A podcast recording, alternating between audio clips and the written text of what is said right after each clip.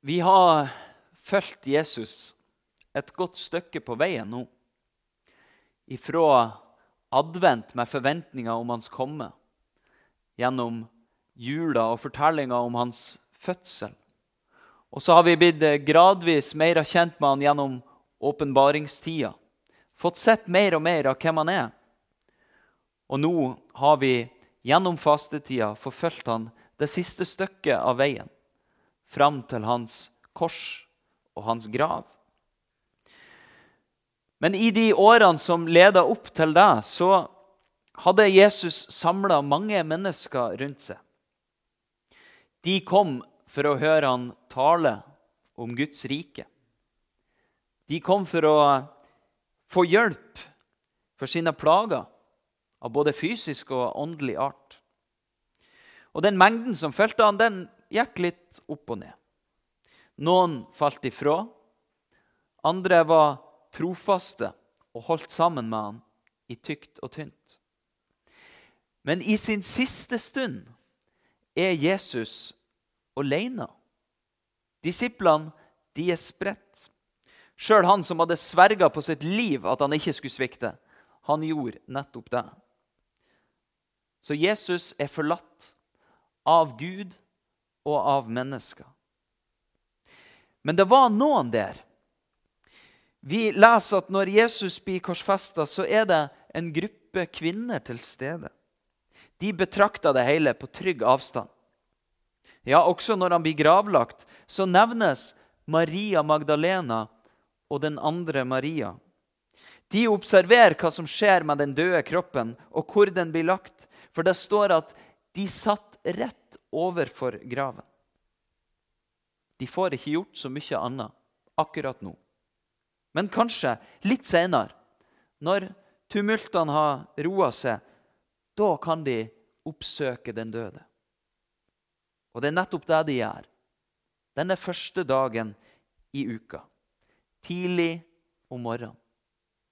Og der får de oppleve noe som snur opp ned på alt de har trodd var mulig. Vi skal synge sammen høytidsverset 'Han er oppstanden, store bud'.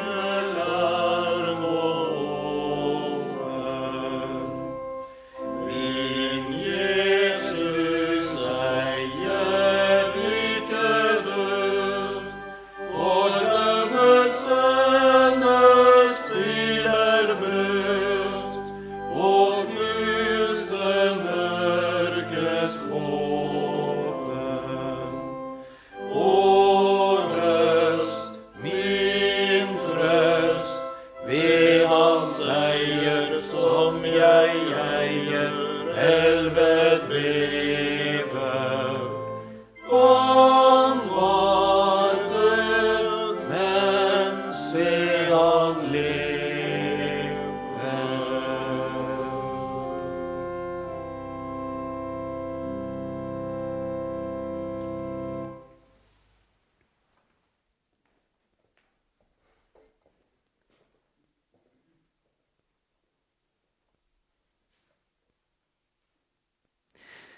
hellige evangeliet står skrevet hos evangelisten Matteus i det 28. kapittel. Og vi leser fra vers 1 til 10 i Jesu navn. Da sabbaten var over og det begynte å lysne den første dagen i uken, kom Maria Magdalena og den andre Maria for å se til graven. Med ett ble det et kraftig jordskjelv. For en Herrens engel steg ned fra himmelen, gikk fram og rullet steinen til side og satte seg på den. Han var som et lyn å se til, og drakten var hvit som snø. Vaktene skalv av redsel da de så ham, og de ble liggende som døde. Men engelen tok til orde og sa til kvinnene.: Frykt ikke. Jeg vet at dere leter etter Jesus, den korsfestede. Han er ikke her. Han er stått opp, slik som han sa. Kom og se stedet hvor han lå. Skynd dere av sted og si til disiplene hans. Han er stått opp fra de døde, og han går i forveien for dere til Galilea. Der skal dere få se ham. Nå har jeg sagt dere det. Da skyndte de seg bort fra graven, redde, men jublende glade. Og de løp for å fortelle det til disiplene. Og se, Jesus kom mot dem og sa, Vær hilset. De gikk fram og omfavnet føttene hans og tilba ham. Jesus sa til dem, Frykt ikke. Gå og si til mine brødre at de skal dra til Galilea. Der skal de se meg. Slik lyder Herrens ord. Hellige Far, hellige oss i sannheten. Ditt ord er sannhet. Amen. De hadde mista mesteren sin. Han var blitt tatt ifra dem. Og de hadde ikke engang fått lov til å holde en ordentlig gravferd for ham. Det er derfor de er på vei til graven så tidlig om morgenen. De vil ha muligheten til å følge tradisjonene i sin kultur. Til å sørge på skikkelig vis, sånn som vi mennesker har behov for når vi mister noen vi er glad i. De leter altså etter den døde. Og da er det jo naturlig å søke blant de døde. Men det de får oppleve, det overgår deres villeste fantasi. For han de leter etter, han er ikke død. Han er levende. Og Det som skjer når engelen stiger ned og ruller steinen til side, det er for å vise at graven den er allerede tom. Jesus er der ikke lenger. Han har allerede stått opp. Og det her er ikke så lett for oss å se for oss, kanskje. Men det var en fryktinngytende opplevelse. Den ligna litt på det som Peter og Jakob og Johannes fikk oppleve når de var sammen med Jesus opp på fjellet og fikk se han forklart i et himmelsk lys. Et lys ifra en annen verden enn den vi vanligvis ser. For en engel det er nemlig ikke noe sånn her koselig glansbildefigur. Det er en himmelsk skikkelse med en herlig glans som gjør at mennesker faller til jorda i frykt. Men hva er det de får høre? Jo, de får høre akkurat det samme som engelen på Betlehemsmarken sa til hyrda. Frykt ikke. For det er ikke et skremmende budskap han har til liv. Det er ikke dom og død. Det er et budskap om liv. Han vet hvorfor de er der. Men han er der for å fortelle dem at de er på feil sted. For Jesus er ikke død. Han lever. Han er stått opp, slik som han sa. Du skjønner da at Gud og død, det hører ikke sammen. Det er som motpolene på en magnet. Gud er nemlig livets gud. Det er han som har skapt livet, og som opprettholder det. Men Døden det er jo noe hvert menneske må oppleve. Ja, det er jo død overalt på denne jorda. Hvorfor er det sånn? Vet du hva døden er for noe? Døden er lønn.